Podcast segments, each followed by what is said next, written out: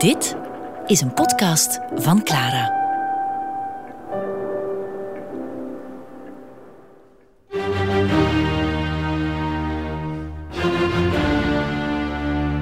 Beethoven met Jan Kaiers.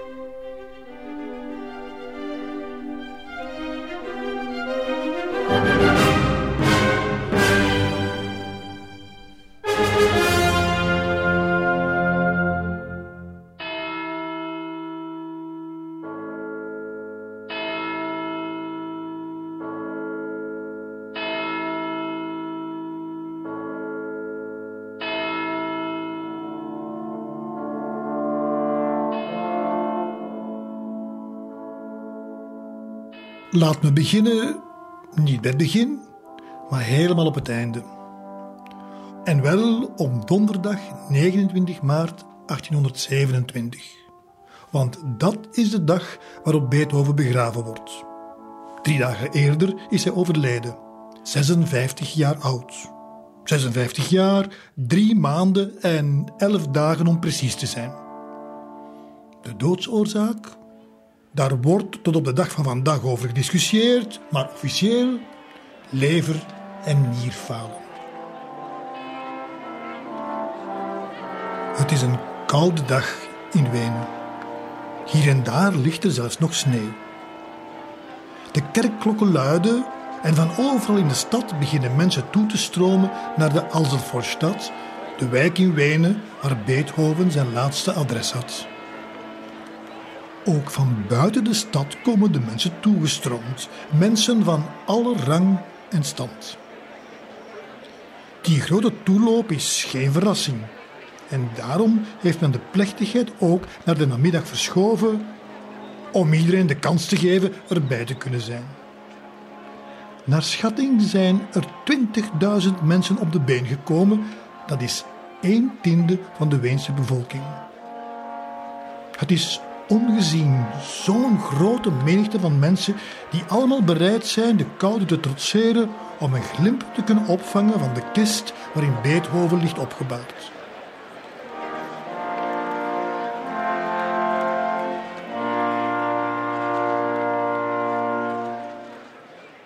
Die grote volkstoeloop is niet alleen ongezien, maar in feite ook zeer merkwaardig.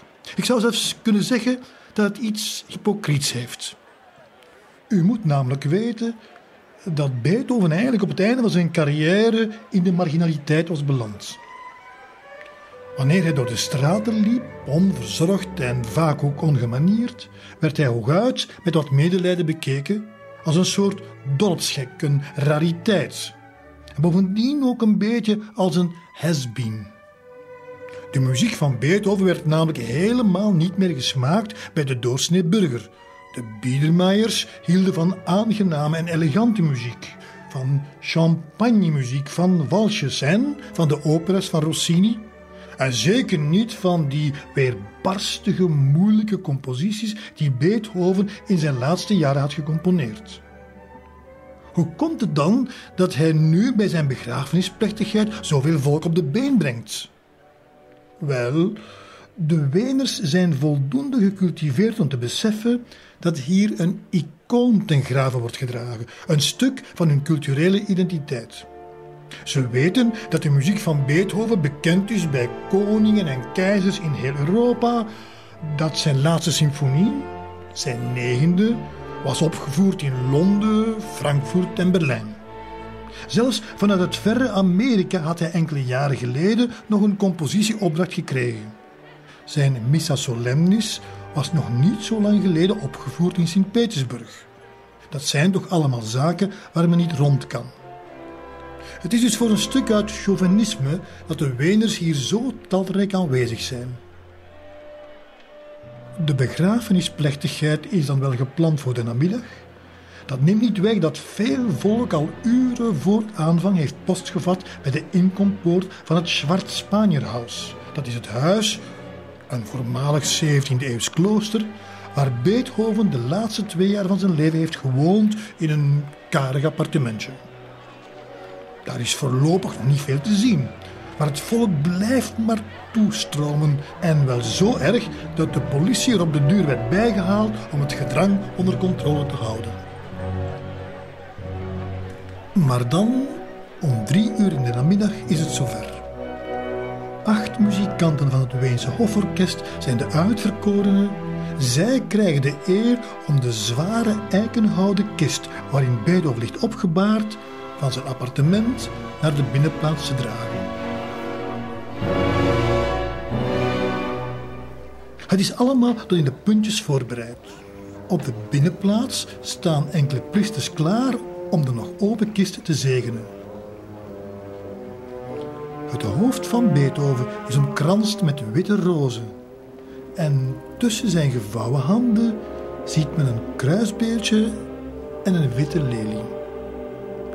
Het gezicht van Beethoven is verwrongen. Voor de mensen die hem bij leven hebben gekend, zelfs onherkenbaar. En dat komt omdat men een dag eerder nog een autopsie heeft laten uitvoeren waarbij men langs één kant een gehoororgaan chirurgisch heeft verwijderd. Dat was de wens van Beethoven zelf. Ook zijn beroemde wilde haardos is wat uitgedund, omdat de voorbije dagen verschillende souvenirjagers erin geslaagd zijn om Beethovens appartement binnen te geraken en om haarlokken bij hem af te knippen.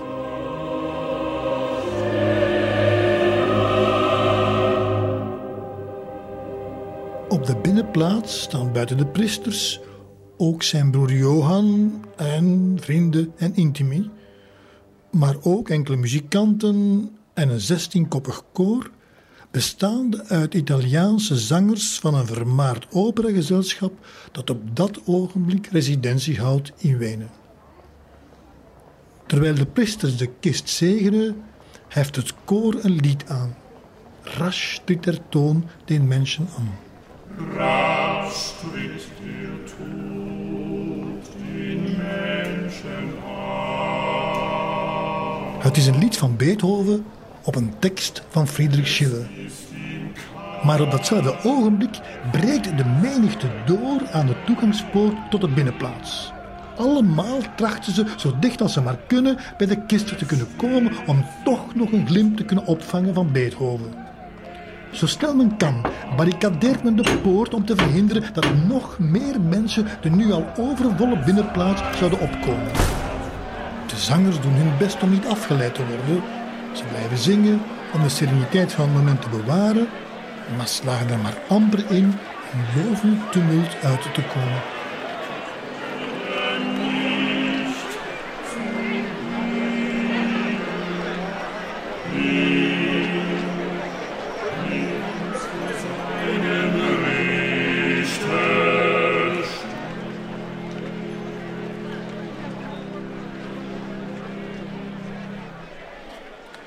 Onder de aanwezige intimi van Beethoven is ook een jonge knaap, de 13-jarige Gerhard von Breuning.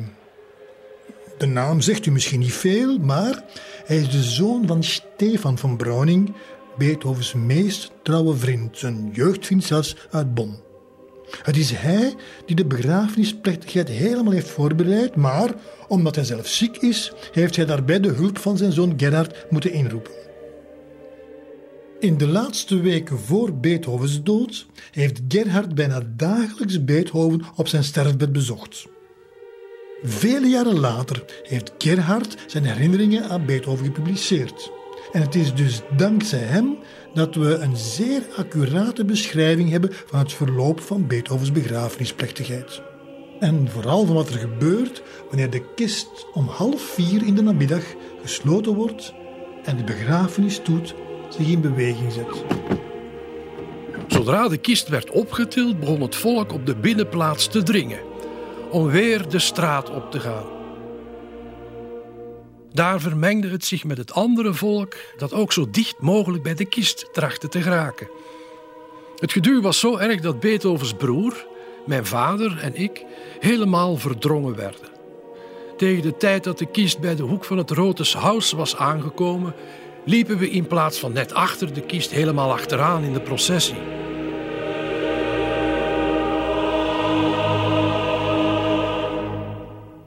In de processie lopen ook vier trombonisten mee die de stoet muzikaal begeleiden. Afwisselend spelen ze twee stukken uit Beethovens Equale a quattro tromboni.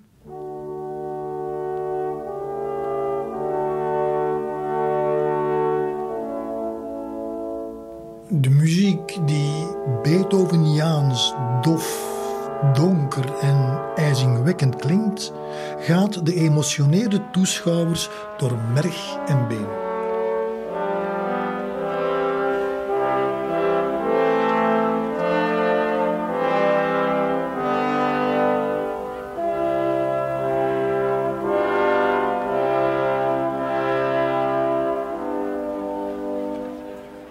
De stoet lopen nog meer bekende mensen. Niet minder dan acht kapelmeesters die afhangende witte linten dragen. Johan Nepomuk Hummel is daarbij. Hij is wellicht de bekendste, maar ook Ignace van Zijfried en Rudolf Kreutzer. En dan zijn er nog een veertigtal collega-kunstenaars, dichters, toneelspelers, componisten en muzikanten. Onder hen Frans Schubert, Karl Czerny, Ignaz Schupanzig en Frans Grillparzer. Ze zijn prachtig in het zwart gekleed, dragen zwarte handschoenen, houden in hun linkerhand een witte lelie en in hun rechterhand een fakkel die met bloemen is versierd. Ook zij hebben de grootste moeite om zich een weg te banen door de deinende mensenzee. De stoet doet er anderhalf uur over om de 500 meter naar de Heilige Drievulligheidskerk aan de Alzenstrasse af te leggen. Aan de ingang van de kerk is het geduw van de massa dat de kerk wil binnengeraken zodanig dat een aantal prominenten zelfs moeite heeft om zich een plaatsje te bemachtigen. Dat mag onder andere Gerard van Browning aan de lijve ondervinden. Op de trappen van de kerk was het gedrum zo erg, even erg als aan het zwart spanierhuis, dat de militaire garde ons tegenhield. En het was enkel met de grootste moeite, nadat we gewezen hadden op de rouwbanden op onze hoede, dat we uiteindelijk in de reeds overvolle kerk binnengeraakten.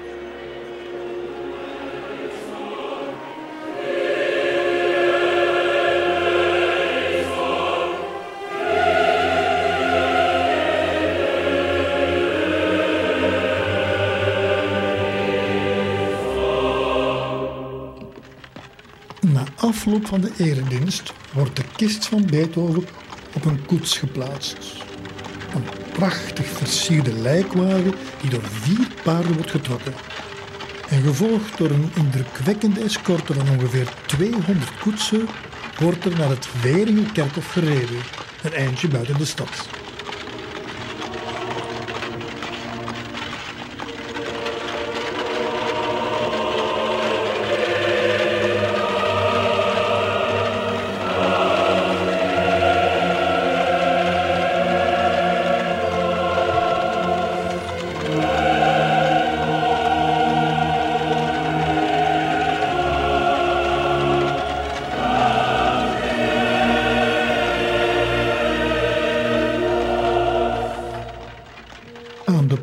Van het kerkhof, bij een kleine parochiekerk, houdt de stoet halt.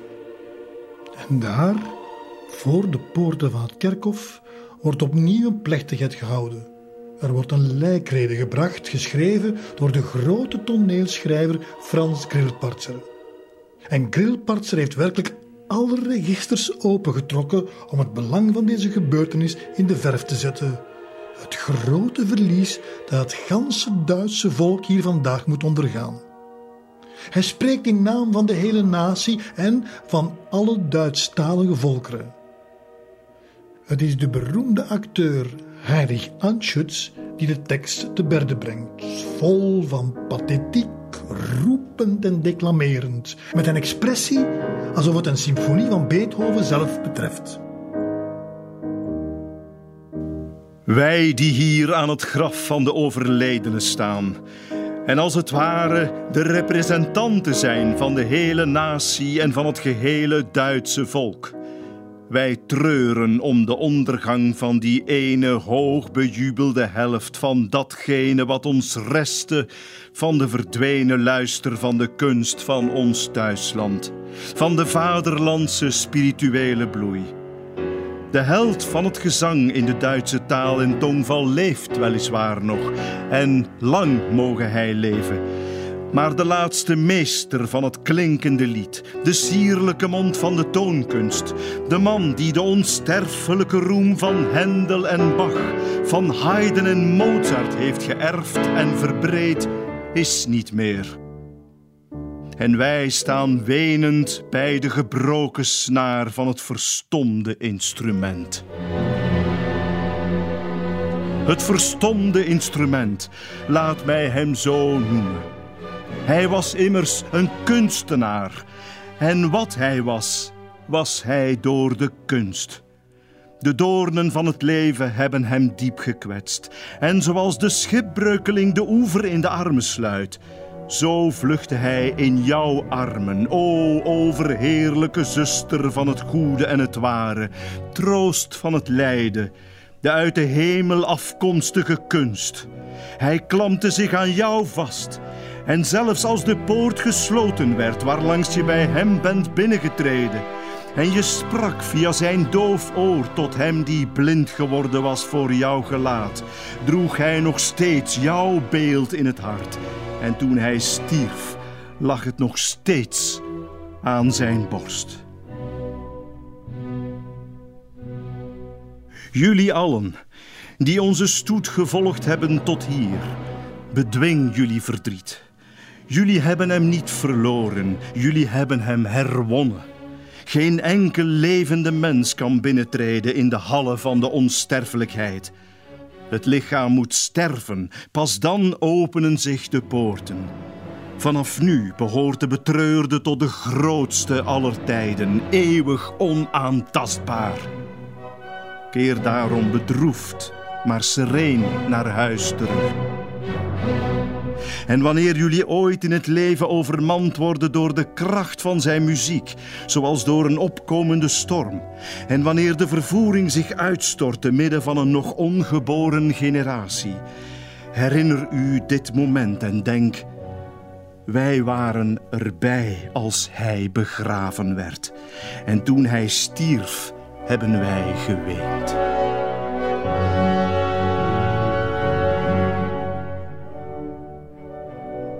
En toen hij sterf, hebben wij geweend. De speech van Grillparzer klinkt ons vandaag misschien al te bombastisch in de oren. Maar dat was nu eenmaal het register van die tijd. En wees er maar zeker van dat die vast zijn effect niet gemist zal hebben. Er worden heel wat tranen geplengd. En als het niet bij de gevleugelde woorden van Grillparzer is, dan toch zeker op het moment dat de kist naar het vers gedolven graf gedragen wordt.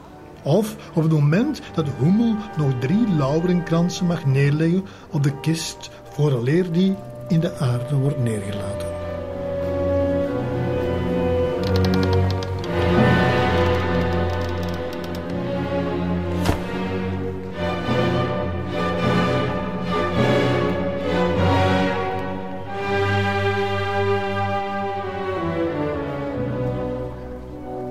Wanneer de laatste mensen het kerkhof verlaten, valt de duisternis over het kerkhof.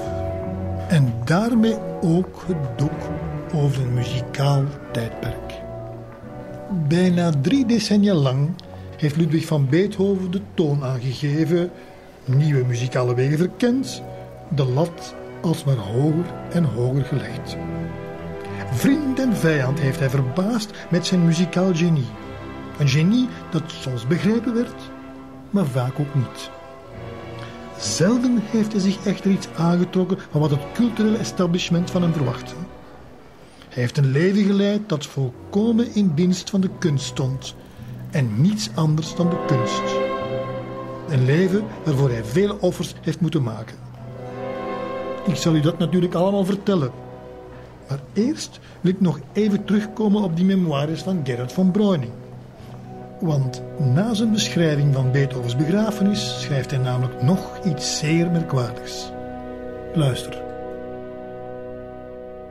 Er werd destijds veel gepraat over het feit dat er een beloning was aangeboden voor Beethovens schedel. En het gerucht had zich zo hard verspreid dat mijn vader met Johan Schindler en Holz had gesproken over de wenselijkheid om de kist omgekeerd te laten zakken. Dat wil zeggen met de voeten in de richting van de buitenmuur. Het idee was dat, hoewel er voor de eerste paar nachten bewakers waren voorzien, de kans groot was dat ze wegdommelden en dat het mogelijk zou zijn om onder de buitenmuur van het kerkhof een tunnel te graven en zo bij het hoofd uit te komen. Uiteindelijk werd van het idee afgezien. Dit lijkt misschien een spectaculair en onwaarschijnlijk horrorverhaal, maar toch is het minder onwaarschijnlijk dan je zou denken. Er is alvast één bron die inderdaad zegt dat de begrafenisondernemer werd benaderd door enkele lusje figuren die voor het hoofd van Beethoven een fikse som geld wilden betalen. Maar er bestaat nog een andere goede reden waarom dit verhaal best wel eens zou kunnen kloppen. 18 jaar eerder, in juni 1809, was namelijk het hoofd van Jozef Haydn ook al ontvreemd uit zijn nog vers graf. Pas vele jaren later en na heel wat omzwervingen zou het terug met de rest van zijn lichaam herenigd worden. Maar in 1827, het jaar van Beethovens dood, was de schedel van Haydn nog steeds spoorloos. Nu kan je afvragen waarom die hoofden zo gegeerd waren. Dat heeft alles te maken met een toen nogal populaire tak van de wetenschap, namelijk de zogenaamde frenologie. En wat hield dat precies in? Wel, dat was een leer die stelde dat de aanleg en het karakter van een mens bepaald worden door de groei van bepaalde hersendelen. Het karakter zou dan afgeleid kunnen worden uit de vorm van de schedel, die bepaalde knobbels zou vertonen. Een wiskundeknobbel, een talenknobbel, het zijn termen die daar hun oorsprong vinden. En ook, jawel, een muziekknobbel. Mensen met bijzondere muzikale gaven die moeten wel uitzonderlijke schedels hebben en daar zijn de frenologen van overtuigd. Je begrijpt dan ook dat de schedel van Beethoven voor hen een zeer kostbaar studieobject zou zijn. Nu, uiteraard was dit allemaal pseudowetenschap. We weten vandaag wel beter. Al moeten we het antwoord op de vraag waar aanleg, talent of genialiteit vandaan komen, nog steeds schuldig blijven. We kunnen ervan uitgaan dat er een belangrijk stuk in de genetische voorbestemdheid zit. Maar even belangrijk is het te weten wat er in de kinderjaren met iemand gebeurt. In het geval van Beethoven moeten we daarvoor naar Bonn.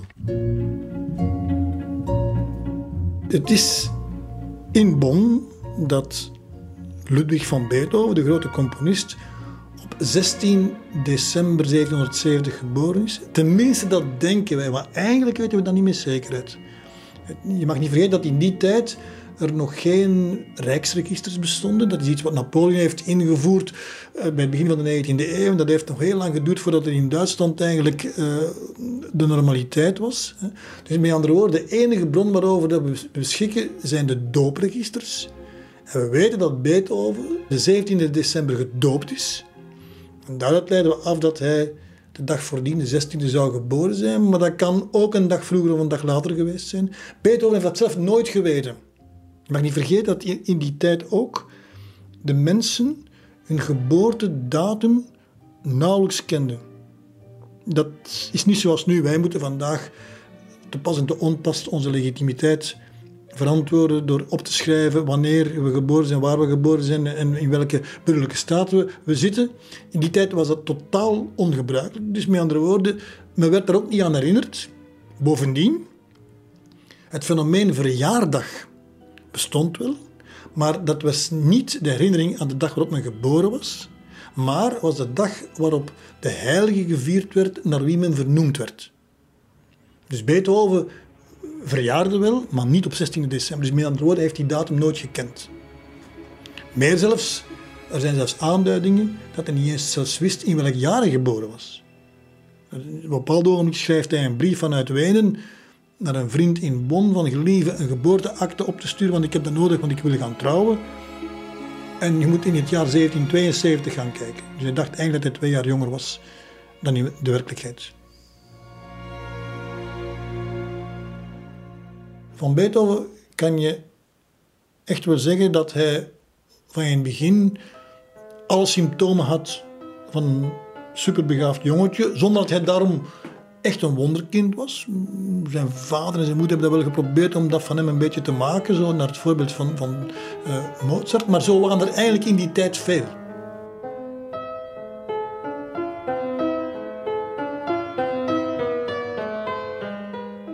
Het mogen duidelijk zijn dat een kind op zichzelf niet geniaal is. Een kind kan een geniale mens worden. Maar het is natuurlijk een absolute voorwaarde dat dat kind van in het begin uitzonderlijk getalenteerd is en toch een beetje in een omgeving kan opgroeien waarin dat talent opgepikt en ontwikkeld wordt. En dat begin ligt bij Beethoven duidelijk in Bonn als zoon van een muzikus, als kleinzoon van een muzikus en bewegend in een milieu waarbij één op de twee mensen ook een muzikus was.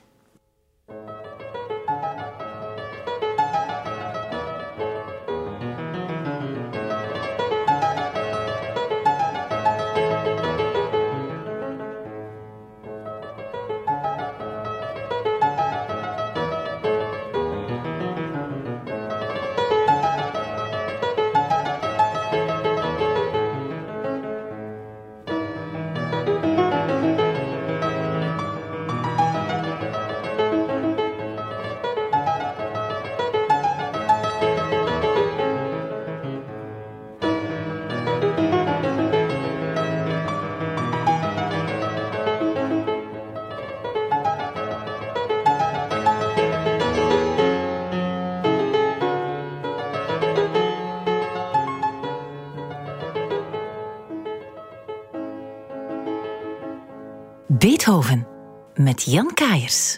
Bonn is anno 1770 een relatief klein stadje van zeg maar ongeveer 10.000 inwoners aan de oevers van de Rijn. Een pittoresk stadje uh, waarvan een gedeelte van de stadsmuren al verdwenen was. Een stadje dat eigenlijk bepaald werd door het Hof. Je had centraal in de stad het grote slot van de Keurvorst, waar hij zijn burgerlijke bestuur organiseerde. Want je mag niet vergeten dat het Keurvorstendom Keulen een aartsbisschoppelijk domein was. Dat wil zeggen, je had een kerkelijk bestuur dat in Keulen was. Je had een burgerbestuur dat in Bonn was. Dat betekende dat heel het beheer, het burgerlijke beheer van het Rijk hm, in Bonn plaatsvond. En dat bij manier van spreken bijna alle mensen in Bonn die konden lezen en schrijven op een of andere manier aan het Hof verbonden waren. En dat gaf eigenlijk aan dat stadje een soort residentiële flair. Dat was niet zomaar een, een, een stadje zoals je er veel in Duitsland had. Nee, dat had een, een zekere allure uh, zowel economisch als ook cultureel. Hm. eh, daar gebeurde heel veel. Er was een, een heel intens uh, feeriek hofleven, dat dan toch op een of andere manier uh, afstraalde op die bevolking zelf. Waarom? Omdat inderdaad één op twee van de mensen daarbij betrokken was. Dus een heel intensief, representatief cultureel hofleven. Hm met heel veel pronk en praal. En dus ook met een muziekkapel die naar normen van die tijd tamelijk groot en tamelijk uh, hoogkwalitatief was. En wie was daar op het moment dat Beethoven geboren is, kapelmeester? Louis van Beethoven, de grootvader van Beethoven, de uit Mechelen afkomstige zanger, die eerst in Leuven, dan een tijdje in Luik gewerkt heeft en uiteindelijk in Bonn terechtgekomen is en daar eigenlijk een enorme carrière heeft uitgebouwd. Ik herhaal het nog eens, dat de grootvader van Beethoven uit Mechelen afkomstig was. Dat met andere woorden eigenlijk Beethoven Vlaamse roots had. En dus is gezegd, Vlaanderen is de enige regio in Europa waar op dit ogenblik nog echte van Beethovens leven. Dus uh, dat is een naam die je niet tegenkomt in Nederland of in Duitsland. Nee, de, van Beethovens die leven alleen maar hier. En meer in het bijzonder in de regio tussen Leuven en Mechelen. Er zijn op dit ogenblik 130 mensen in Vlaanderen die nog de naam van Beethoven dragen. En op dit ogenblik leven er in Vlaanderen twee mensen met de naam Ludwig van Beethoven. Het zal u maar overkomen.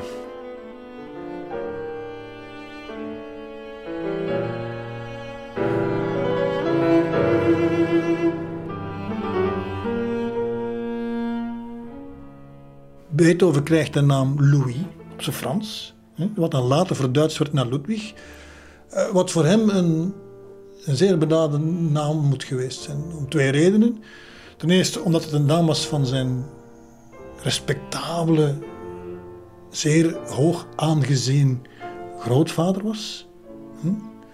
Uh, dus met andere woorden, Beethoven kreeg zo een beetje door die naam de opdracht mee om doen wat eigenlijk zijn vader niet gelukt is, namelijk de prestaties van de grootvader, de stamvader, te evenaren en zo mogelijk te verbeteren.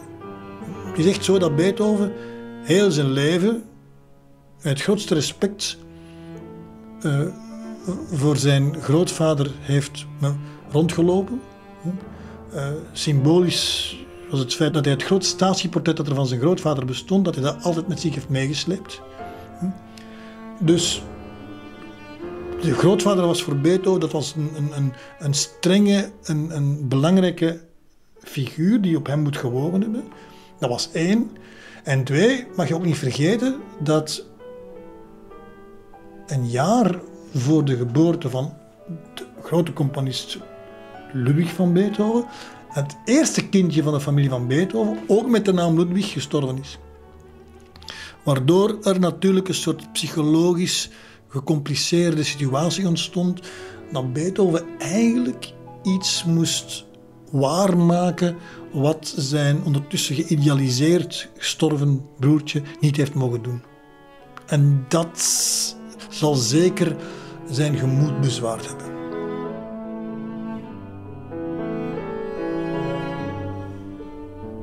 De grootvader van Beethoven staat in alle biografieën van, over Beethoven geboekstaafd als iemand met een grote autoriteit, met een zeker aanzien. Kortom, iemand met een heel positief imago. Dat is niet meer het geval bij de vader. En dat is voor een stuk te begrijpen, omdat de vader van Beethoven toch niet dezelfde carrière gemaakt heeft als de grootvader. De, de vader van Beethoven was ook muzikus. Wat overigens in die tijd gebruikelijk was. Hè. Dus je had echt wel heel de families die bij manier van spreken van vader op zoon kok of tuinier waren. Wel nu bij de familie van Beethoven was het zo dat iedereen van vader op zoon uh, muzikus was. Dat was de normale gang van zaken in die tijd. Hm? Dus met andere woorden, dat de vader van Beethoven ook muzikus werd, behoorde tot de logica der dingen. Dat hij het niet zo ver gebracht heeft als zijn eigen vader, is dan ook weer heel begrijpelijk. Hij had waarschijnlijk een beetje minder talent, had ook misschien een beetje minder geluk.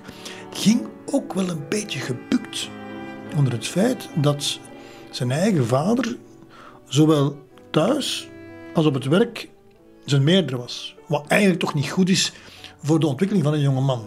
Dus je, je kunt echt wel vanuit gaan dat de constellatie van vader op zoon in hetzelfde beroep, dat dat, in, dat dat voor de vader van Beethoven niet heel gunstig was, wat overigens ook vandaag de dag ook nog bij vele mensen het geval is.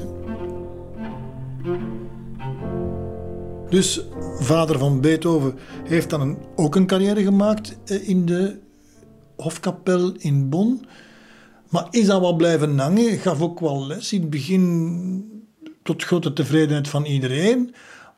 Na verloop van tijd is er dan wat slijt opgekomen, niet in het minst omdat er in de familie van Beethoven toch wel een drankprobleem was, een alcoholprobleem was. Dus de grootvader van Beethoven had naast zijn activiteit als kapelmeester ook nog een handeltje in wijn. Hij importeerde wijnen vanuit Nederland die hij dan in Bonn uh, verder verkocht. En laten we zeggen dat de privévoorraad van wijn die je daar in de kelder van Beethovens uh, heeft gelegen, dat die de inhibitie tot een hoger drankverbruik uh, een beetje in de hand heeft gewerkt. Dat drankgebruik heeft dan enorme proporties aangenomen en we zullen later vertellen hoe dramatisch dat uiteindelijk geëindigd is. Maar hoe dan ook, het was bekend op het moment dat vader Beethoven overleed, hè, zou de keurvorst de uitspraak gedaan hebben dat de inkomsten van de accijnzen op alcohol in de stad vanaf dan gevoelig zouden dalen.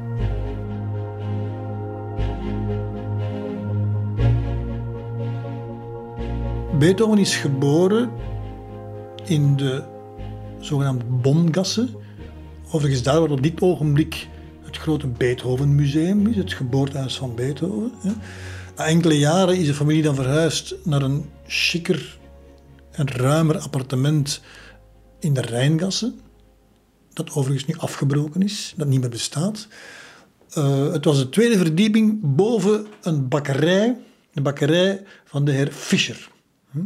Wat dan overigens een, een enige consequenties had voor het bioritme van de bewoners. Bijvoorbeeld, omwille van het feit dat het toch wel verboden was, s namiddags muziek te maken, omdat dan de bakker die dan moest slapen, uh, wakker zou kunnen gemaakt worden. Dus dat was een van de inconvenienties van dit nieuwe appartement. Maar uh, dat was een ruim appartement, tamelijk luxueus, want we mogen toch niet vergeten dat in tegenstelling tot het beeld dat zo een beetje ontstaat, ook omwille dan van de wat merkwaardige carrière van de vader, de familie van Beethoven, dus toen Ludwig jong was, een zekere welstand had. Beethoven is niet in armoede opgegroeid. Daar zijn nog naast uh, Ludwig van Beethoven nog vijf andere kinderen geboren, waarvan er dan twee in leven gebleven zijn, wat overigens uh, de normale verhouding was in die tijd. Hè. Dus dat drie van de Beethoven-kindjes gestorven zijn uh, voor ze, bij manier van spreken, twee jaar oud waren, um, was erg. Hm, maar werd door de mensen in die tijd als normaal ervaren. Zo ging dat nu eenmaal in die tijd. Uiteindelijk zijn er twee broertjes in leven gebleven. De ene, Casper Karel, die uh, vier jaar jonger was. En de andere, Nicolas Johan, die zes jaar jonger was dan Ludwig van Beethoven. Twee jongetjes die een aparte weg hebben gegaan in het leven nadien. Eigenlijk geen muziekjes geworden zijn. Um, en met wie Beethoven een sterke band had. Want we zullen later vertellen uh, hoezeer Beethoven zich als oudste van het gezin verantwoordelijk heeft gevoeld voor zijn jongere broertjes.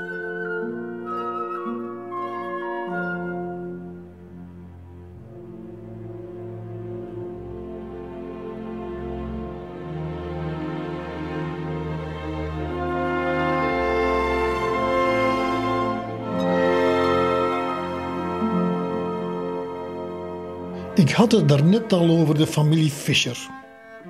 Beethoven woonde met hen in hetzelfde huis van zijn zesde tot zijn zestiende. Maar wat hij nog niet vertelde is dat Gottfried Fischer, die toen nog een kind was, een halve eeuw later zijn herinneringen heeft opgeschreven. De memoires beslaan 35 aan beide zijden beschreven pagina's en daardoor zijn we toch heel wat details te weten gekomen over het dagelijkse leven van de Beethovens in die tijd.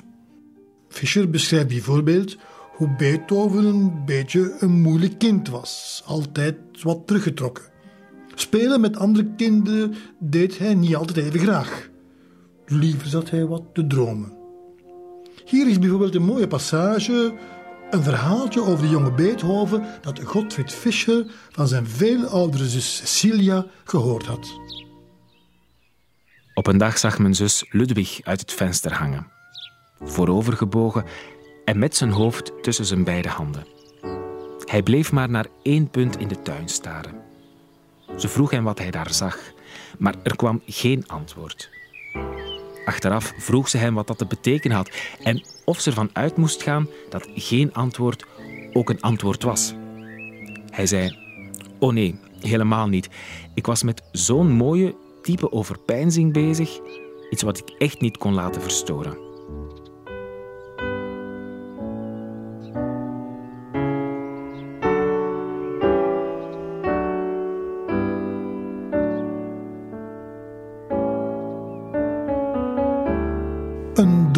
Kind dus.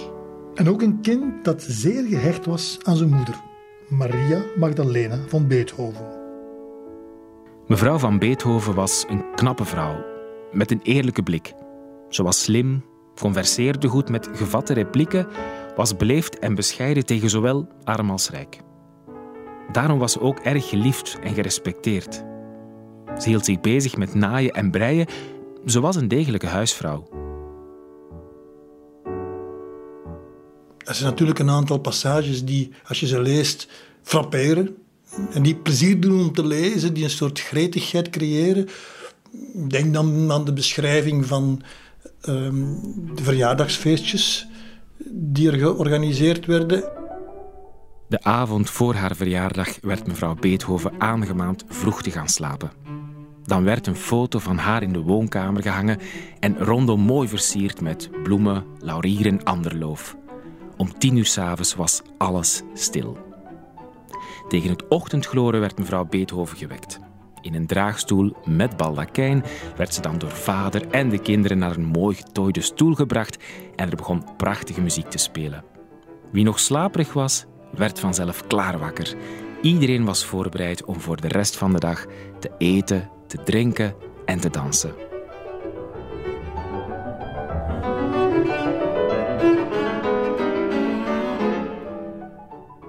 In het Fischer-document worden er ook een paar tragische gebeurtenissen beschreven.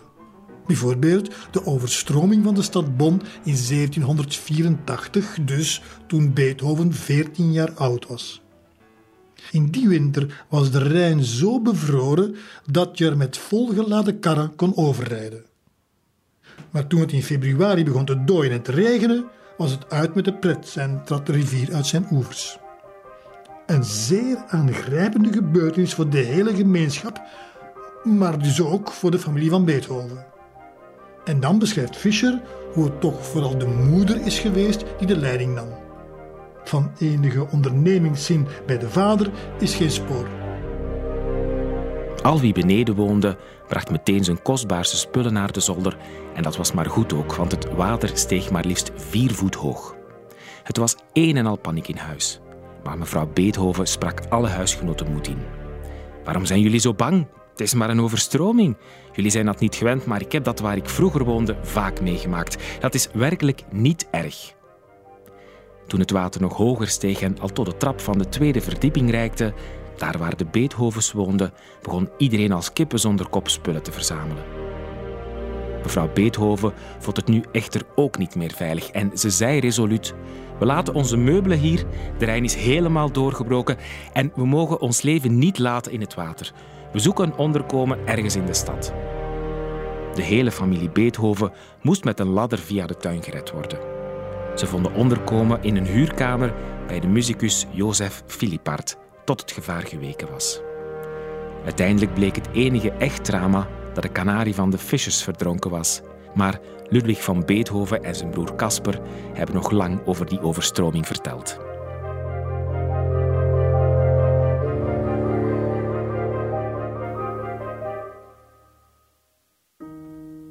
Maar misschien is het meest typerende van het document de beschrijving van de sceptisch van, van de moeder tegenover het leven in het algemeen, tegenover het huwelijk.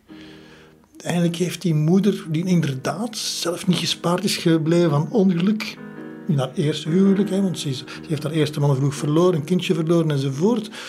Dus die vrouw is daardoor getekend en die heeft zeker bij Beethoven de zaadjes geplant voor een soort somberheid.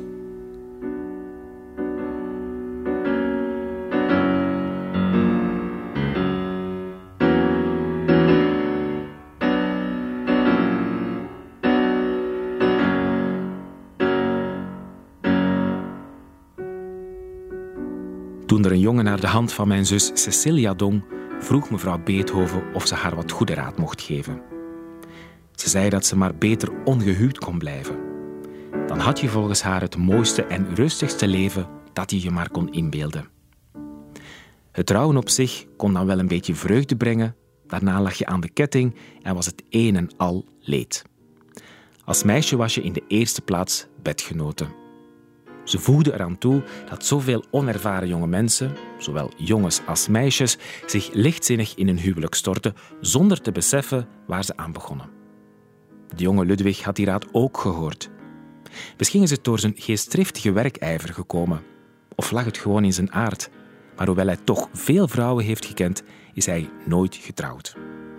Misschien had die vroege raad van zijn moeder zich in zijn hoofd genesteld.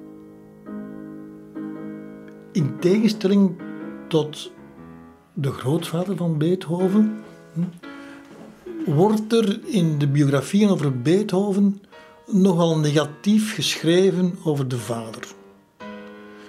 Het was natuurlijk zo dat Jean van Beethoven, in het Duits Johann van Beethoven, dat Jean van Beethoven het probleem had dat hij in de voetsporen moest treden van zijn eigen vader, de succesvolle kapelmeester Louis van Beethoven. Wat niet gemakkelijk was. Is voor geen enkel kind makkelijk om in de professionele voetsporen te treden van de vader. Zeker wanneer die vader heel succesvol is en prestige heeft opgebouwd.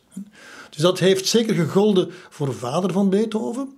En wat we uit dat Fischer-document ook kunnen leren, en wat toch eigenlijk interessant is, met het oog op de latere ontwikkeling van de muzikus Beethoven, is de manier waarop in eerste instantie vader van Beethoven aan zijn oudste zoon muziekles heeft gegeven.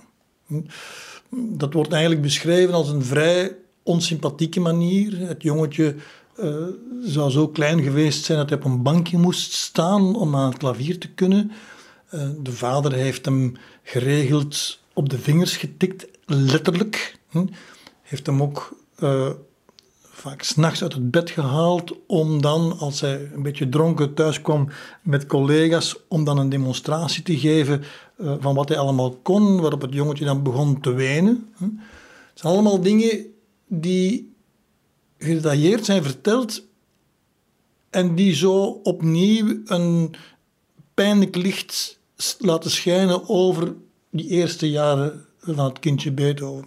Nu, moeten we dat toch wel een beetje relativeren in die zin, toch, dat het voor ons vandaag, anno 2020, heel moeilijk is om ons in het algemeen te verplaatsen in de opvoedingsmethode van, die gehanteerd werden aan het einde van de 18e eeuw. Hetgeen we daarover weten van bijvoorbeeld Jean-Jacques Rousseau, hm, daarvan zouden wij vandaag weglopen. Dat is zo kindonvriendelijk dat we dat eigenlijk niet meer kunnen accepteren. Maar toen was dat eigenlijk de normale gang van zaken. Dus per definitie is dat voor ons heel moeilijk om ons 250 jaar eh, in het verleden te verplaatsen op dat vlak.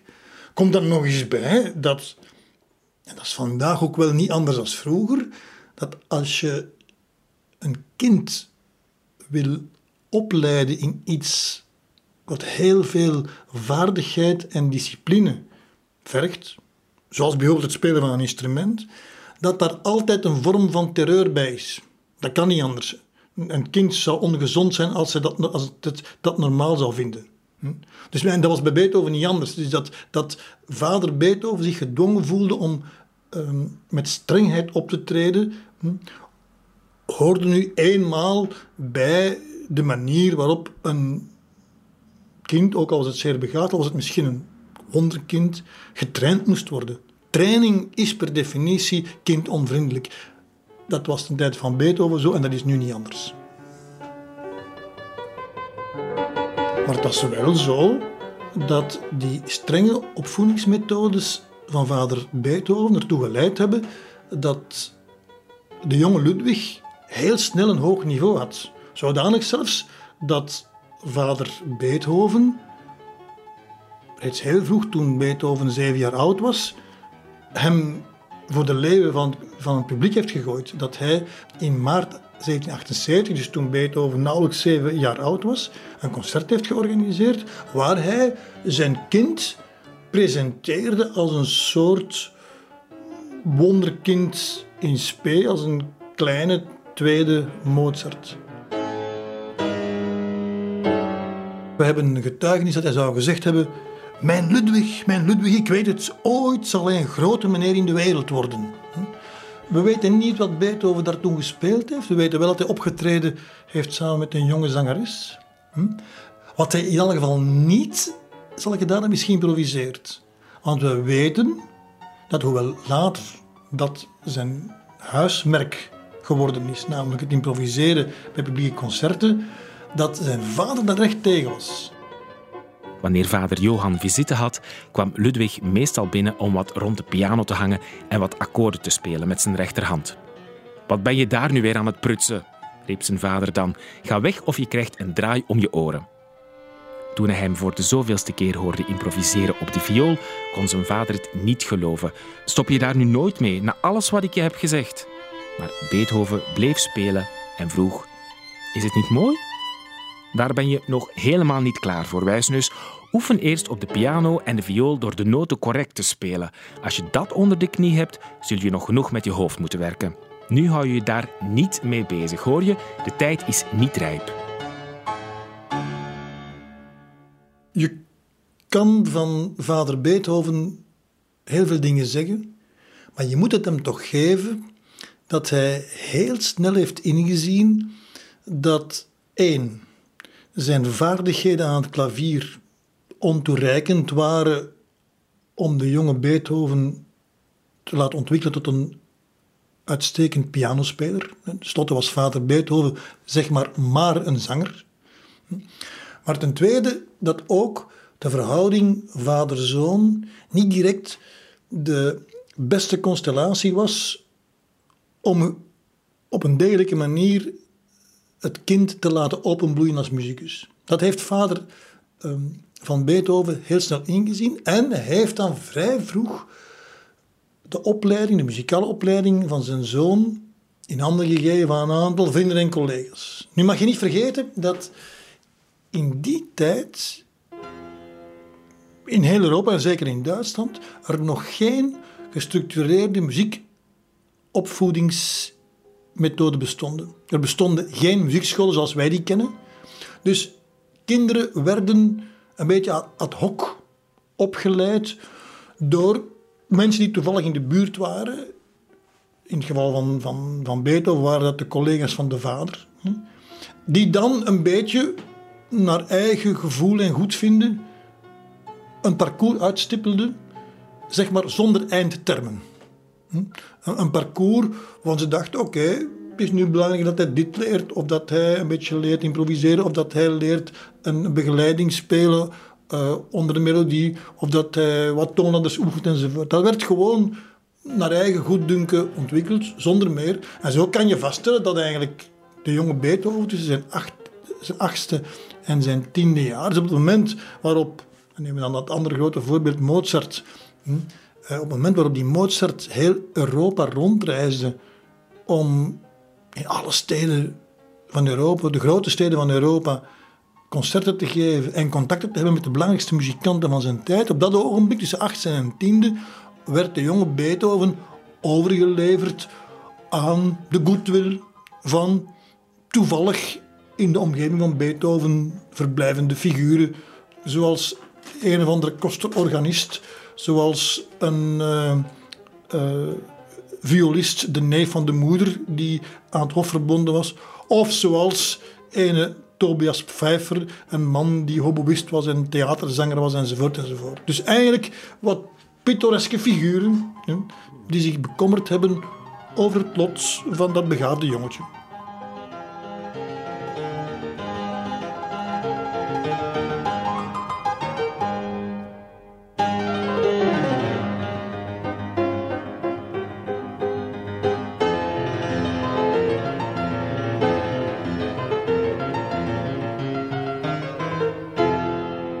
Net zoals het muziekonderwijs in die tijd zo goed als niet gestructureerd was, moet je ook zeggen dat het zogenaamde normale onderwijs quasi onbestaande was. Er was zoiets als een lagere school, het, het tirocinium heette dat. Dat was een instelling waar kindjes tussen 6 en 12 de elementairste dingen leerden die ze nodig hadden om door het leven te gaan. Dat was niet echt een voorbereiding op hogere studies. Dat, dat was meer in handen van privémensen.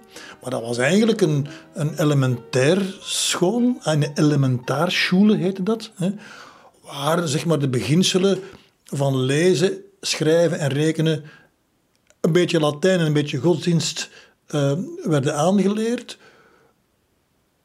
En de eerlijkheid gebiedt dus om te zeggen dat dat bij Beethoven niet erg succesvol was. Beethoven heeft nooit goed kunnen schrijven zonder fouten. Uh, en zijn rekenkundige vaardigheden waren tamelijk beperkt. Er is een mooie anekdote dat we ergens een, uh, op een van zijn schetsbladen de oefening hebben gevonden waar hij uitrekende hoeveel 7 maal 7 was en dat eigenlijk heeft opgelost door 7 keer 7 op te tellen.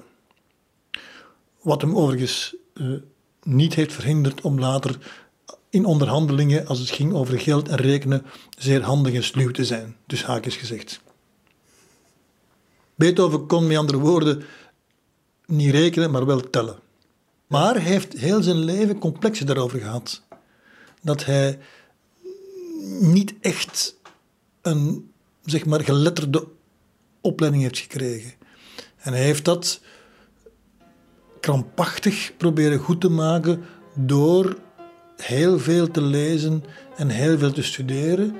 En het is ook merkwaardig dat hij in zijn raadgevingen naar andere jonge mensen toe, onder andere zijn eigen neefje enzovoort, daar heel veel nadruk heeft opgelegd. Als een soort compensatie van iets wat hij toch als een groot gemis heeft ervaren.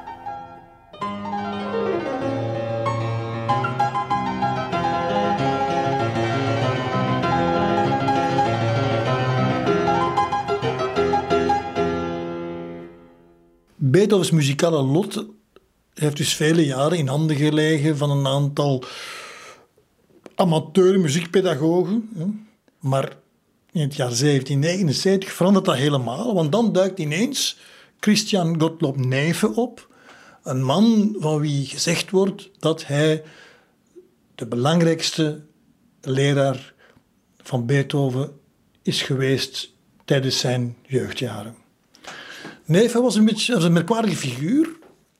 In wezen was hij zelfs niet eens een professionele muzikus. Hij was een jurist uit Chemnis die overigens een dissertatie heeft uh, geschreven over de vraag of, ik citeer, het een vader toegestaan is om zijn zoon te onterven wanneer hij zich op het theater zou toeleggen.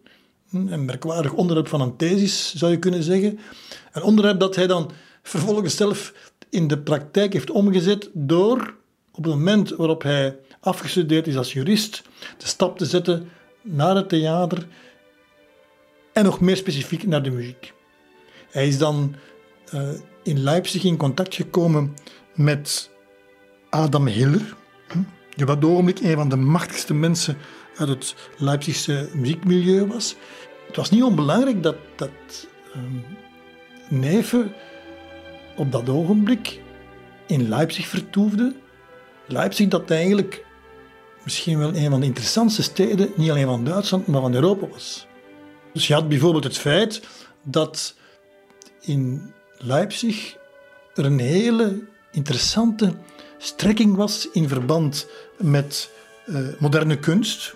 Een strekking waartoe bijvoorbeeld ook uh, de jonge Goethe uh, behoorde en waarbij men een soort evangelie van de schoonheid, de goede smaak en het aangenaam heeft gecreëerd. Een, een doctrine die dan eigenlijk de voedingsbodem is geweest voor wat dan later het grote Duitse klassicisme is geworden. En je kunt er echt van uitgaan dat Neven heel doordrongen was van die, zeg maar, moderne manier van denken over kunst en de functie van kunst in het leven. Iets wat dan eigenlijk later bij Beethoven als een rode draad door zijn carrière is gelopen. Daarnaast had je in Leipzig ook het fenomeen van het zogenaamde zingspiel. Dat was een heel modieuze vorm van theater. Leipzig was een heel levendige, uh, wat luxueuze uh, stad. Uh, men noemde het kleine Parijs, waar heel veel gebeurde, waar nieuwe dingen waren. Onder andere dus ook het zogenaamde zingspielen, zo'n een, een theatervorm waarbij half gezongen, half gesproken werd. Dat was vrij ongewoon in Duitsland. Niet het hoogdravende hoftheater waar het over goden en koningen en grote principes ging, maar waar het eigenlijk ging over het leven van de zeg maar gewone mensen, waarin het publiek van, van Leipzig, dat een heel uh, specifiek publiek was, van, van, van ondernemers enzovoort, waarin die zich konden herkennen. En dat leidde daar heel sterk. En de jonge neven is een beetje op die trein gesprongen, werd dan op een bepaald ogenblik via een aantal tussenstappen muziekdirecteur bij zo'n theatergroep, die alleen maar dat soort dingen deed, de zogenaamde Groosman-troepen. Dus die Groosman-troepen die dan na een tussenstop in Frankfurt in 1779 geëngageerd wordt in Bonn, aan het Keurvorstelijke Hof. En zo komt in dat jaar Christian Gottlob Neven als muziekdirecteur terecht in Bonn hij wordt daar enkele jaren later zelfs hoforganist. En op dat ogenblik wordt hij de mentor van dat superbegaafde jongetje dat Ludwig van Beethoven heette. Neven heeft Beethoven ook in contact gebracht met de muziek van de grote Johann Sebastian Bach. Ook hier speelt dan weer de link naar Leipzig. Het is bekend dat hij Beethoven verplichtte om het woordtempererte klavier van Bach te studeren en te assimileren, wat ongelooflijk belangrijk is geweest voor de muzikale training van de jonge Ludwig. Hm? heeft hem ook in contact gebracht met de muziek en de muziekleer van Karl Philipp Emanuel Bach, de, een van de zonen van Johann Sebastian Bach en eigenlijk een van de herauten van de nieuwe muziek. Hm? En daarnaast heeft Neven Beethoven eigenlijk de beste leerschool gegeven die je kan inbeelden, namelijk door hem heel vroeg hm, in de praktijk van het dagelijks musiceren te gooien. Hm. Beethoven is heel snel als vervanger van zijn leraar kunnen optreden. Hij mocht al heel vroeg, uh, of moest al heel vroeg missen spelen uh, uh, in de kerk moest zangers begeleiden en trad ook als pianobegeleider bij repetities van theater- en operavoorstellingen. Je mag niet vergeten dat bij repetities voor een opera het orkest niet altijd aanwezig is. En dan zit er een pianist de orkestpartituur te spelen. Dat is een heel bijzondere opgave, want in die tijd bestonden er nog geen wat wij noemen pianoreducties. Dat zijn naar piano getranscribeerde versies van die orkestpartituur. Dus Beethoven, de jonge Beethoven was dus verplicht om met die grote orkestpartituur voor zijn neus die orkestpartij gewoon uit zijn mouw te schudden. het is bekend dat een bepaald ogenblik hij daar lof voor kreeg en men vroeg van hoe komt dat jongen dat je dat zo goed kunt? Dat je zo in staat bent om heel snel die, ingewikkelde partituur te lezen. En daarop antwoordde Beethoven, ja, maar ik lees dat niet helemaal. Ik raad gewoon wat er staat en doe dan maar wat.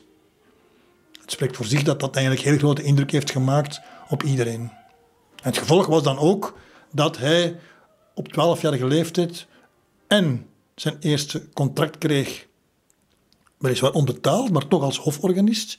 En dat hij ongeveer ook in diezelfde tijd zijn eerste composities heeft niet alleen geschreven, maar ook onder het toeziend oog van zijn leraar heeft laten publiceren.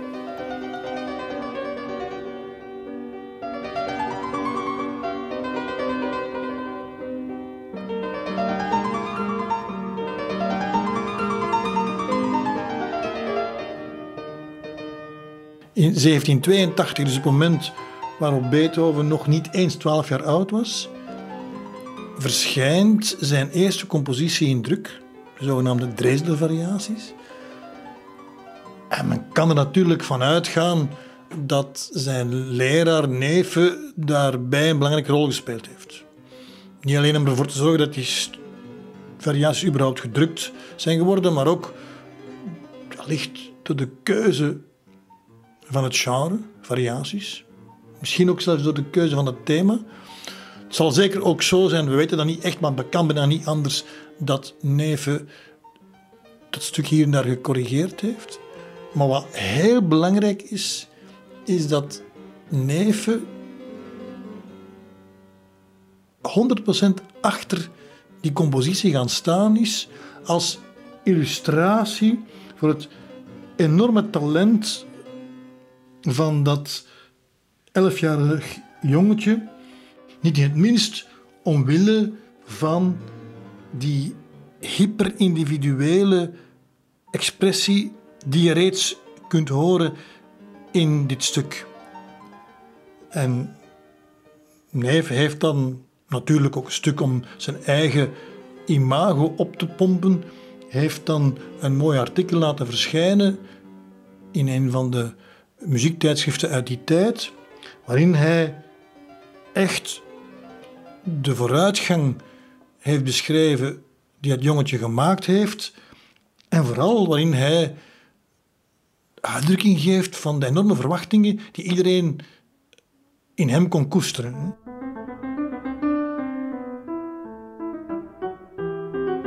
Louis van Beethoven is een elfjarig jongetje en een veelbelovend talent. Hij is een volleerde pianist en speelt met veel kracht. Hij leest zeer goed van het blad. Kortom, hij speelt nagenoeg het volledige woordtempereerde klavier van Sebastian Bach dat de heer Neve hem gegeven heeft.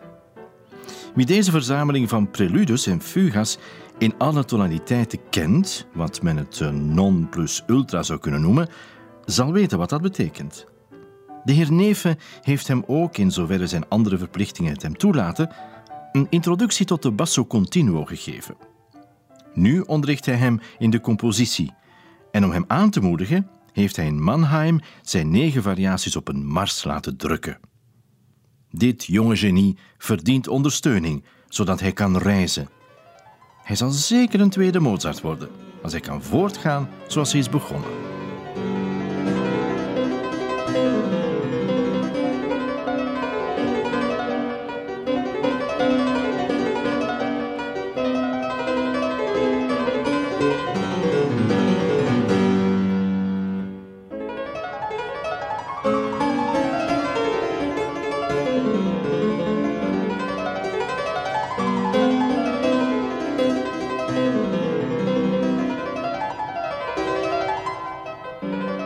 Beethoven met Jan Kaiers.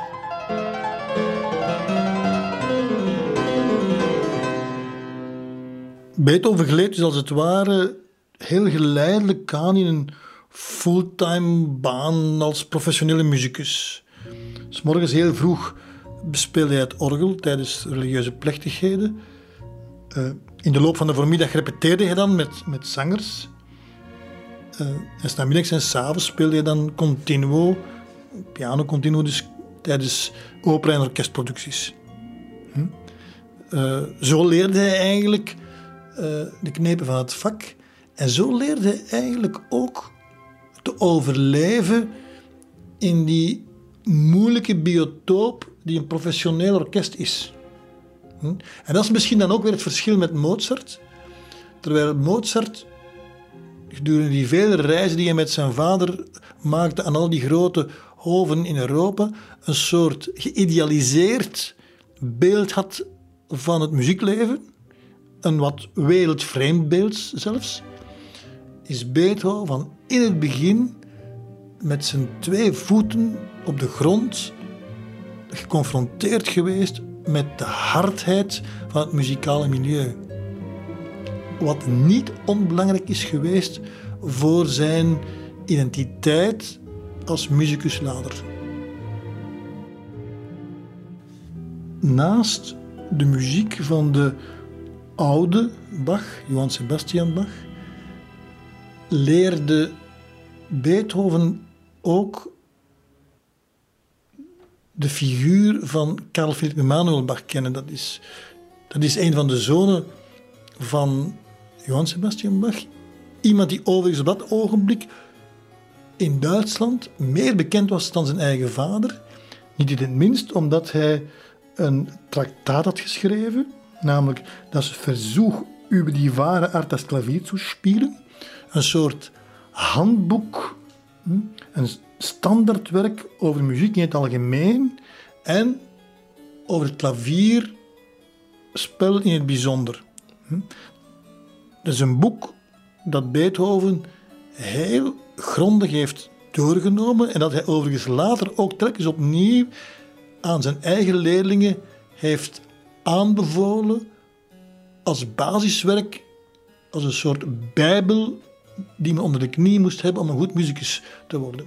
Hij was nu eigenlijk typisch aan dat verzoek. Wel, dat was eigenlijk het, het idee dat muziek een taal is die tot de verbeelding moet spreken.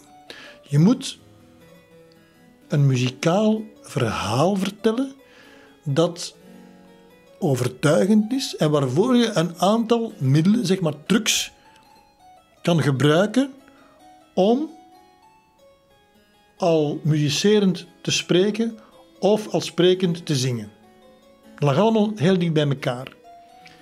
En het belangrijkste punt daarbij is toch wel de originaliteit van de ideeën.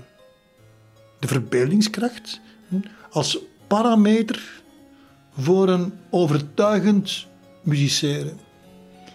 Vandaar ook dat men Carl Philipp Emanuel Bach, wiens muziek eigenlijk veel grilliger was dan die van zijn eigen vader, dat men hem als een soort originaal genie heeft beschreven. Een term die natuurlijk later meer dan welke term ooit of Beethoven heeft gepast.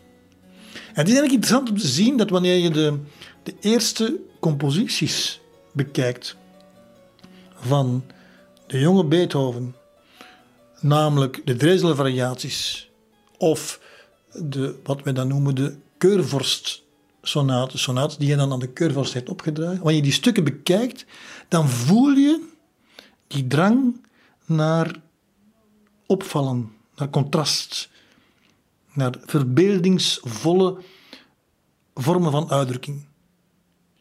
En eigenlijk is dat iets wat Beethoven in zijn leven nooit verlaten heeft.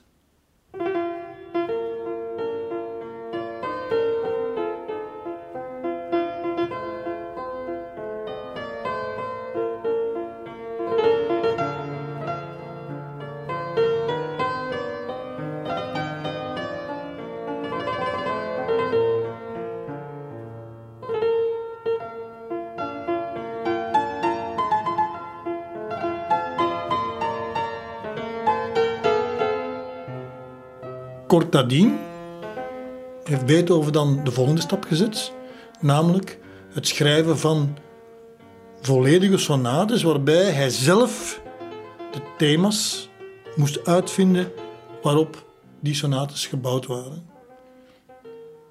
Ook daar heeft zijn leraar Neven een belangrijke rol gespeeld. Ook daar kan je ervan aan dat de leraar de student gecoacht heeft.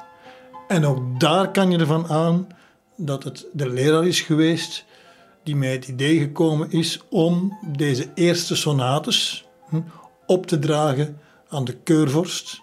Hm, met de bedoeling natuurlijk van de keurvorst te vleien. Hm, met de bedoeling ook van in zijn gratie te komen. Met de bedoeling eigenlijk toch wel van de keurvorst attent te maken op zijn talent. Hij schrijft dan een mooie introductiebrief, die, zoals het past, hm, geschreven is met een zekere pathetiek, hm, eh, met grote frases, een hoofse retoriek. En daar kan je zeker van zijn dat iemand anders hier de pen heeft vastgehouden.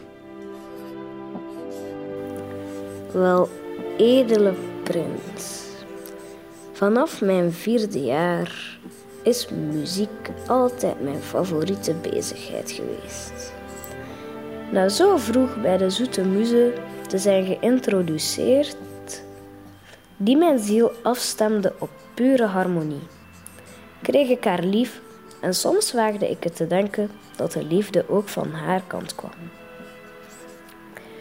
Ik ben nu elf jaar oud geworden en in uren van inspiratie fluisterde mijn muze mij vaak in. Probeer de harmonieën in je ziel op te schrijven. Pas elf jaar oud, dacht ik. Past me de houding van een echte componist eigenlijk wel? Wat zullen meer ervaren kunstenaars zeggen? Ik voelde me niet op mijn gemak, maar mijn muze wilde het per se en daarom gehoorzaamde ik maar en schreef. Mag ik nu daarom, wel edele prins, de eerste vruchten van mijn jeugdige inspanningen aan de voet van uw troon leggen? Mag ik de hoop koesteren dat u zich zult willen verwaardigen er een bemoedigende en vriendelijke blik op te werpen? U zult dat zeker doen, want kunsten en wetenschappen hebben altijd een welwillend beschermer en genereuze patroon gevonden. En onder uw koesterlijke en vaderlijke zorg heeft opkomend talent altijd kunnen opbloeien. Aangespoord door deze aangename overtuiging, waag ik het u te benaderen met mijn jeugdige pogingen. Aanvaard ze als een puur offer van kinderlijke verering en wees zo genadig de werken en een jeugdige componist met welwillendheid te bekijken. Ludwig van Beethoven. Aanvaard ze als een puur offer van kinderlijke verering en wees zo genadig de werken en een jeugdige componist met de welwillendheid te bekijken. Getekend Ludwig van Beethoven. Het is heel moeilijk voor ons vandaag om die sonate te beluisteren zonder te denken aan de grote meesterwerken die nadien nog zouden volgen. Dus je moet echt die stukken op zichzelf zien. En in de context waarin ze geschreven zijn, namelijk door een elfjarig jongetje. Hm? En wat opvalt is enorme fantasie, een grote verbeelding, een ideeënrijkdom. Wat ook opvalt is een zekere klaviertechnische briljantie. Een, een klaviervaardigheid die vrij ongewoon is. Maar tegelijkertijd voel je aan dat er nog iets onvolwassens aan is. Er is een, een gebrek aan helderheid in het betoog. Het is impulsieve muziek, intuïtieve muziek, geschreven met veel onderbuikgevoel en met veel talent. Maar je voelt eigenlijk aan dat deze jonge componist nog een weg moet afleggen, dat hij moet leren om zijn fantastische gedachten in goede banen te leiden.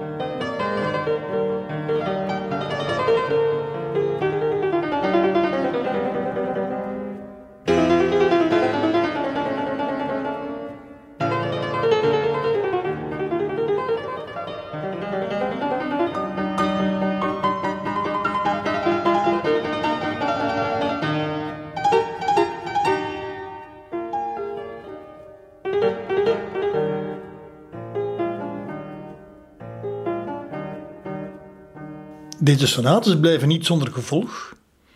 En in 1782 wordt Beethoven aangesteld als hoforganist, gedeeltelijk als vervanger van Neven, die op dat ogenblik heel veel in het buitenland vertoefde.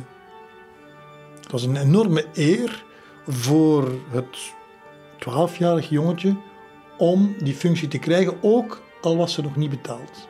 Maar het was een fantastische kans om zijn positie binnen de hofkapel, binnen de muziekkapel van het hof, te consolideren. En dan zie je met hoeveel lef die jonge Beethoven eraan begonnen is. En er zijn fantastische anekdotes bekend, waarbij hij uh, bijvoorbeeld zangers tijdens missen in moeilijkheden bracht door de exuberante, fantasievolle, modulatierijke begeleidingen die hij uit zijn orgel toverde. Wat dan heeft aanleiding gegeven tot een aantal incidenten waarbij zelfs de keurvorst is moeten tussen beiden komen om dat jonge, onstuimige talent een beetje te temperen. Beethoven moet reeds heel vroeg een soort bewustzijn gehad hebben dat hij meer kon dan de anderen. En hij heeft het ook niet nagelaten om het anderen te tonen. Alles verloopt dus heel gunstig voor het getalenteerde jongetje dat iedereen verbluft.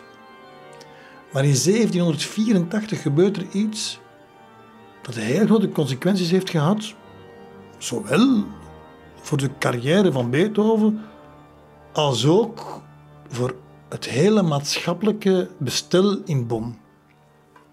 Want wat gebeurt er? De oude keurvorst Maximilian Friedrich sterft in april 1784 en wordt opgevolgd door Maximilian Frans, de jongste broer van keizer Jozef II van Oostenrijk. Die Maximilian Frans was een heel merkwaardige figuur. Als ruimdenkend rooms-katholiek verandert hij Bonn binnen de kortste keren van een zeg maar kleine provinciestad in een echte culturele hoofdstad. Hij hervormt het basisonderwijs, richt later een universiteit op, legt beperkingen op aan de macht van de klerus en hij zet de poorten van de stad wagenwijd open voor een vloed van nieuwe ideeën die opwellen zeg maar, uit de renaissance van de Duitse literatuur. Namen als Lessing, Klopstock, de jonge Goethe en Schiller worden plotseling zeer hot.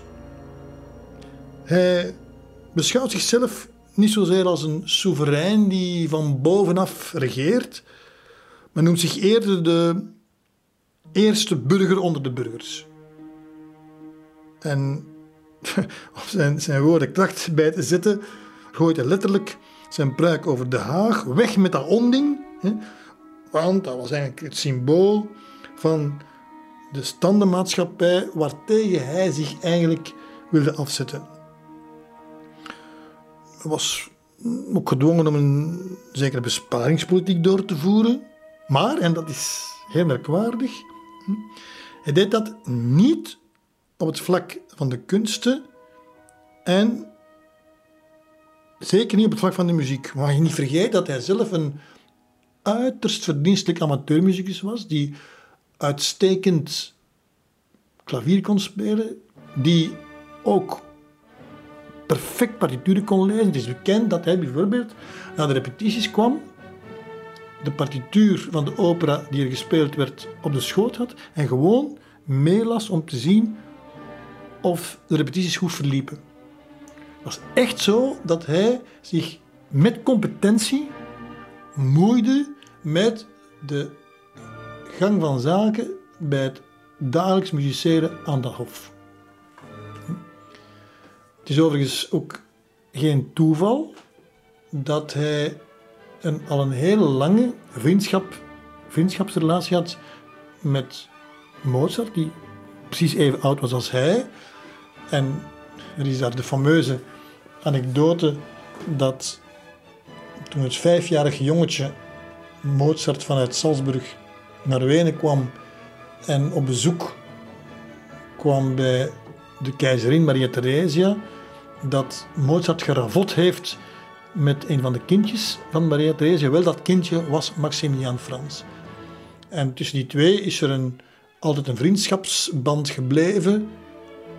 Het was zelfs zo dat het eigenlijk de ambitie was van de keurvorst om in 1784 dus, onmiddellijk na zijn aanstelling als keurvorst, om Mozart als kapelmeester naar Bonn te halen.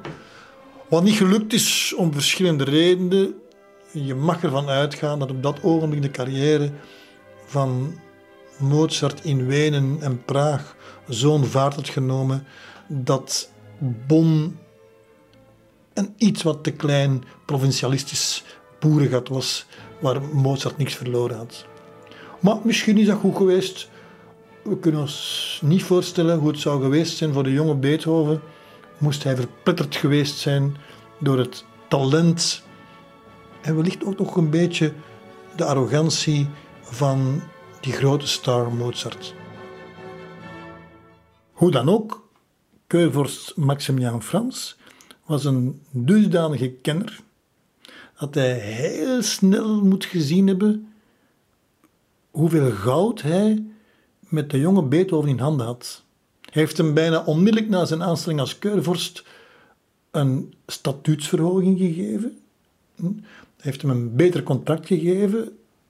Voor het eerst ook hem ernstig betaald, wat grote impact heeft gehad op de hele familie te koer, omdat plotseling het familieinkomen met 50% is gestegen.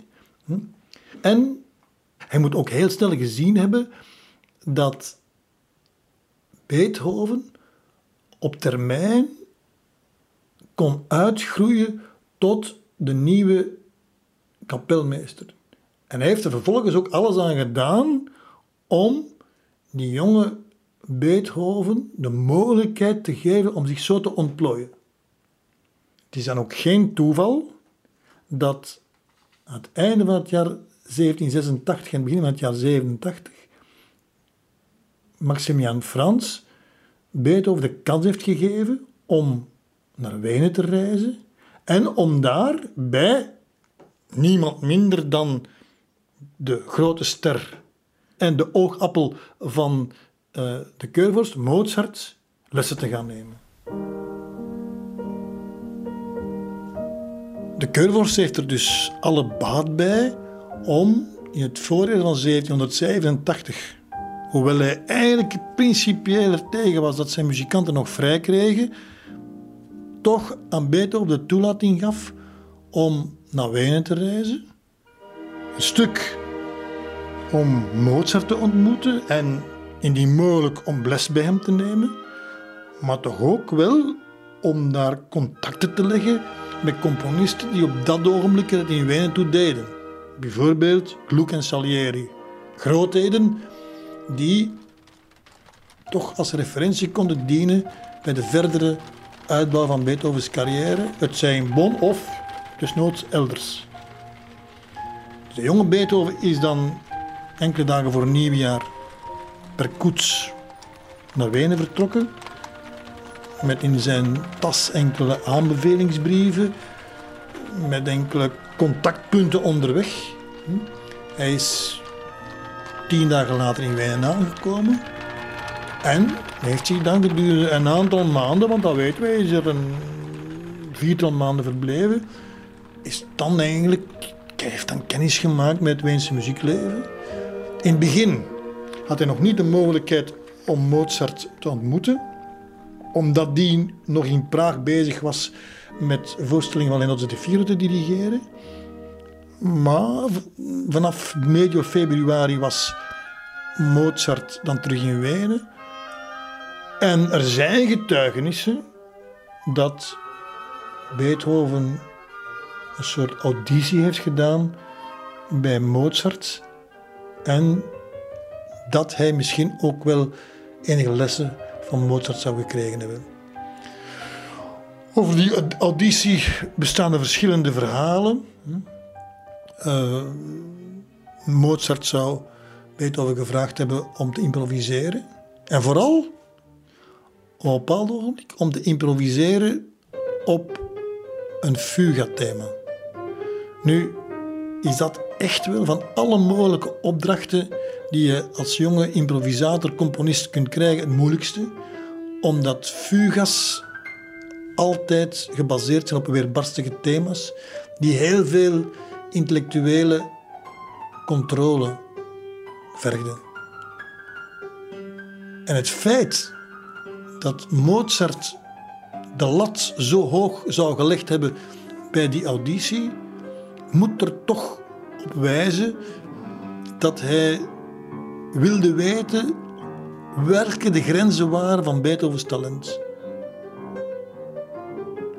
Overigens,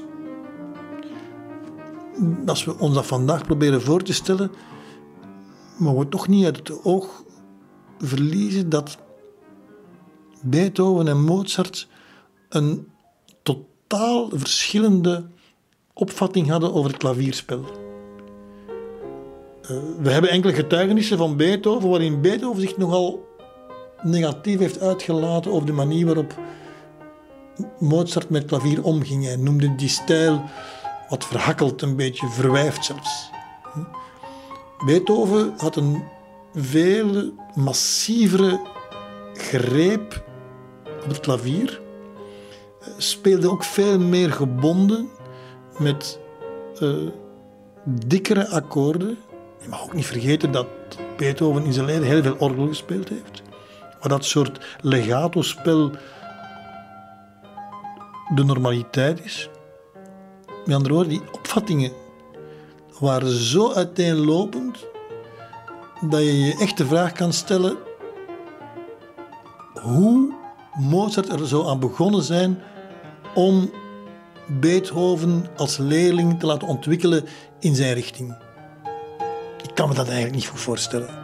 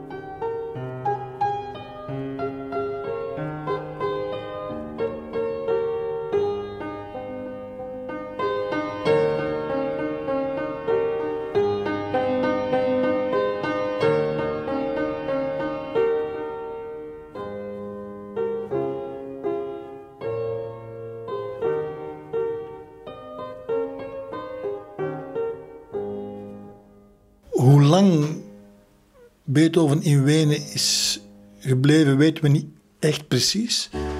We weten wel dat hij zijn tijd genomen heeft om terug te keren. Dat wil zeggen, hij heeft uh, een paar omwegen gemaakt. Hij heeft een aantal hoven bezocht, bijvoorbeeld in Ludwigsburg, in Augsburg, met de bedoeling allicht om daar contacten te leggen die hem mogelijkerwijze later aan een job konden helpen als kapelmeester. Wat we evenwel ook weten is dat hij aan het einde van die terugreis een aantal alarmerende brieven heeft gekregen van zijn vader, waarin gesproken werd over de slechte gezondheidstoestand van zijn moeder, zijn dierbare moeder. En dat hij vooral zich de laatste dagen gehaast heeft om dan toch snel terug uh, zijn moeder te zien. We weten dat omdat enkele maanden later Beethoven een brief heeft geschreven aan Herren von Schade, die hem geld had geleend en aan wie hij een verklaring schuldig was waarom hij uh, dat geld nog niet had terugbetaald. Beethoven heeft dan een beetje pathetisch en wat aangedikte brief geschreven, waarin hij inderdaad uh, beschreef hoezeer de alarmerende berichten over zijn moeder hem hebben aangegrepen en hebben gemotiveerd om dan toch uiteindelijk snel thuis te zijn. Allerdierbaarste vriend. Ik kan me gemakkelijk voorstellen wat u van me zult denken. En ik kan niet ontkennen dat u goede gronden heeft voor een negatief oordeel. Ik zal echter niet proberen me te verontschuldigen totdat ik u de redenen heb uitgelegd waarom mijn verontschuldigingen zouden moeten worden aanvaard. Ik moet u zeggen dat na mijn vertrek uit Augsburg mijn opgewektheid en mijn gezondheid achteruit begonnen te gaan. Hoe dichter ik mijn geboortestad naderde, des te talrijker werden de brieven van mijn vader, waarin hij mij aanspoorde haast te maken vanwege de uiterst slechte gezondheid van mijn moeder. Hoewel ik er zelf ook niet al te best aan toe was, haast ik me zoveel mogelijk.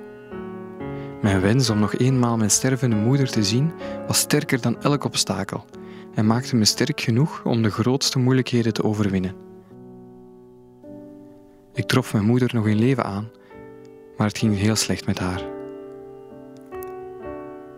Haar ziekte was een zware longaandoening en ongeveer zeven weken geleden stierf ze. Op 17 juli, na lang en smartelijk lijden.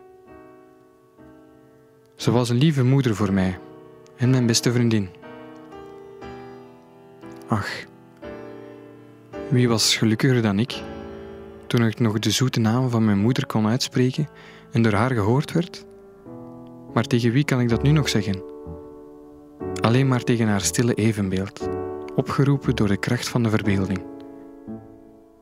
Sinds mijn aankomst hier heb ik maar heel weinig plezierige uren doorgebracht, omdat ik voortdurend aan astma lijd. Ik ben bang dat die op de fatale longziekte uitloopt. Tel daar dan ook mijn melancholie bij op, bijna even erg als de ziekte zelf.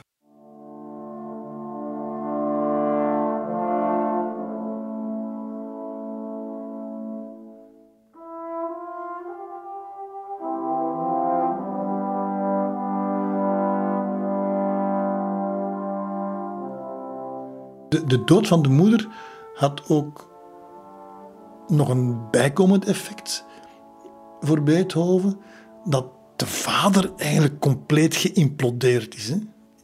Dus de man uh, was de pedalen volkomen kwijt, heeft zich dan echt totaal verloren in de drank, bij het gevolg dat de facto Beethoven het vervangende gezinshoofd moest worden, wat zich overigens dan nog geofficialiseerd heeft door een besluit van de keurvorst om in 1789 de vader alle voogdij over de kinderen te ontnemen en dat toe te vertrouwen aan de oudste zoon, die sowieso reeds een groot verantwoordelijkheidsgevoel had ten aanzien van zijn twee nog levende broertjes.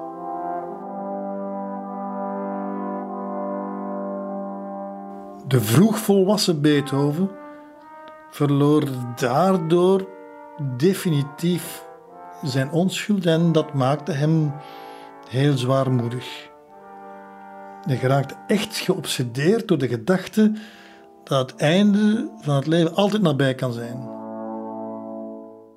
Twintig jaar later schreef hij, ik citeer, een mens moet zich kunnen verzoenen met de dood. Ik kon dat al toen ik een jongen van vijftien was. Een mens moet zich kunnen verzoenen met de dood. Ik kon dat al toen ik een jongen van vijftien was.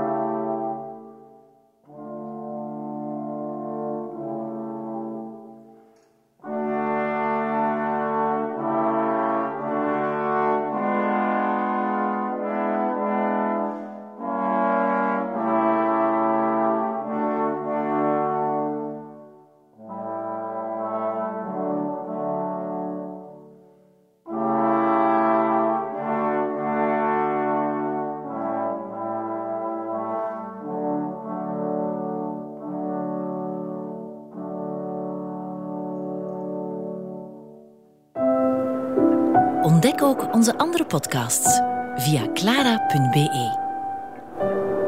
Clara Podcast. Blijf verwonderd.